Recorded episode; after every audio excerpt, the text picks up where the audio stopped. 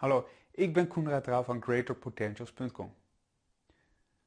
Ik kreeg een vraag van iemand die uh, zich afvroeg wat nu het effect van karma is op de wet van de aantrekking en of karma misschien eerst verheffend moet worden voordat je resultaat kunt hebben met de wet van de aantrekking.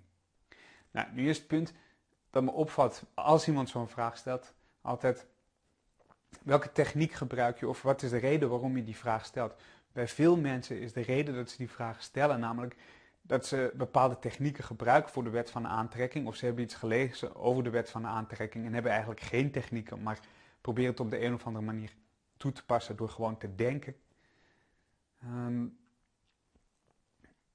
welke techniek gebruik je dus voor de wet van de aantrekking uh, te doen werken of om jouw doel te bereiken?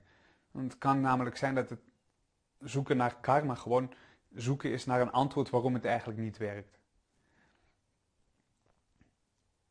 Nou, de eerste moet je dus nagaan welke techniek je gebruikt en of die techniek überhaupt wel goed is op zich. En twee, of die techniek wel uh, geschikt is voor jou als persoon. Dat is het eerste puntje. Een tweede ding is, nou, oké, als je als karma als oorzaak gaat zoeken om, om te vermijden naar, naar de techniek te kijken, dan ben je efficiënter bezig van, van eerst uitzoeken welke techniek je nu eigenlijk moet gebruiken en daarna kun je uh, eventueel rekening houden met het effect van karma. Want er is wel degelijk een effect van karma. Wat is karma?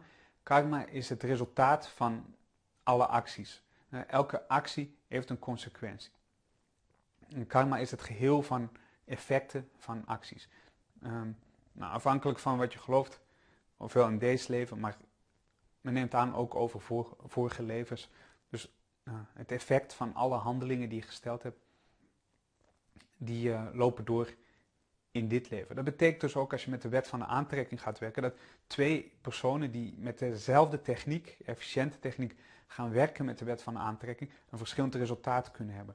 Bijvoorbeeld uh, omwille van het effect van karma, dus uh, het, het, resultaat van handelingen die daarvoor gesteld zijn. Nou, om het iets concreter te maken, stel door alle handelingen die je gesteld hebt, heb je nu een baan bij een bepaald bedrijf. Nou, en daar is je functie belangrijk en mensen rekenen op je. En dan zit je in een bepaalde situatie, in een bepaalde positie.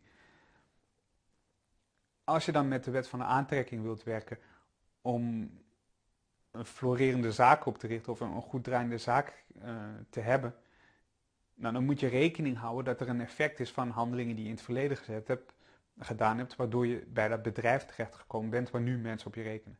Dus dat er waarschijnlijk tussenstappen gaan nodig zijn voordat je het resultaat bereikt dat je eigenlijk wilt. En het, het bedrijf opzetten of zo. Mm.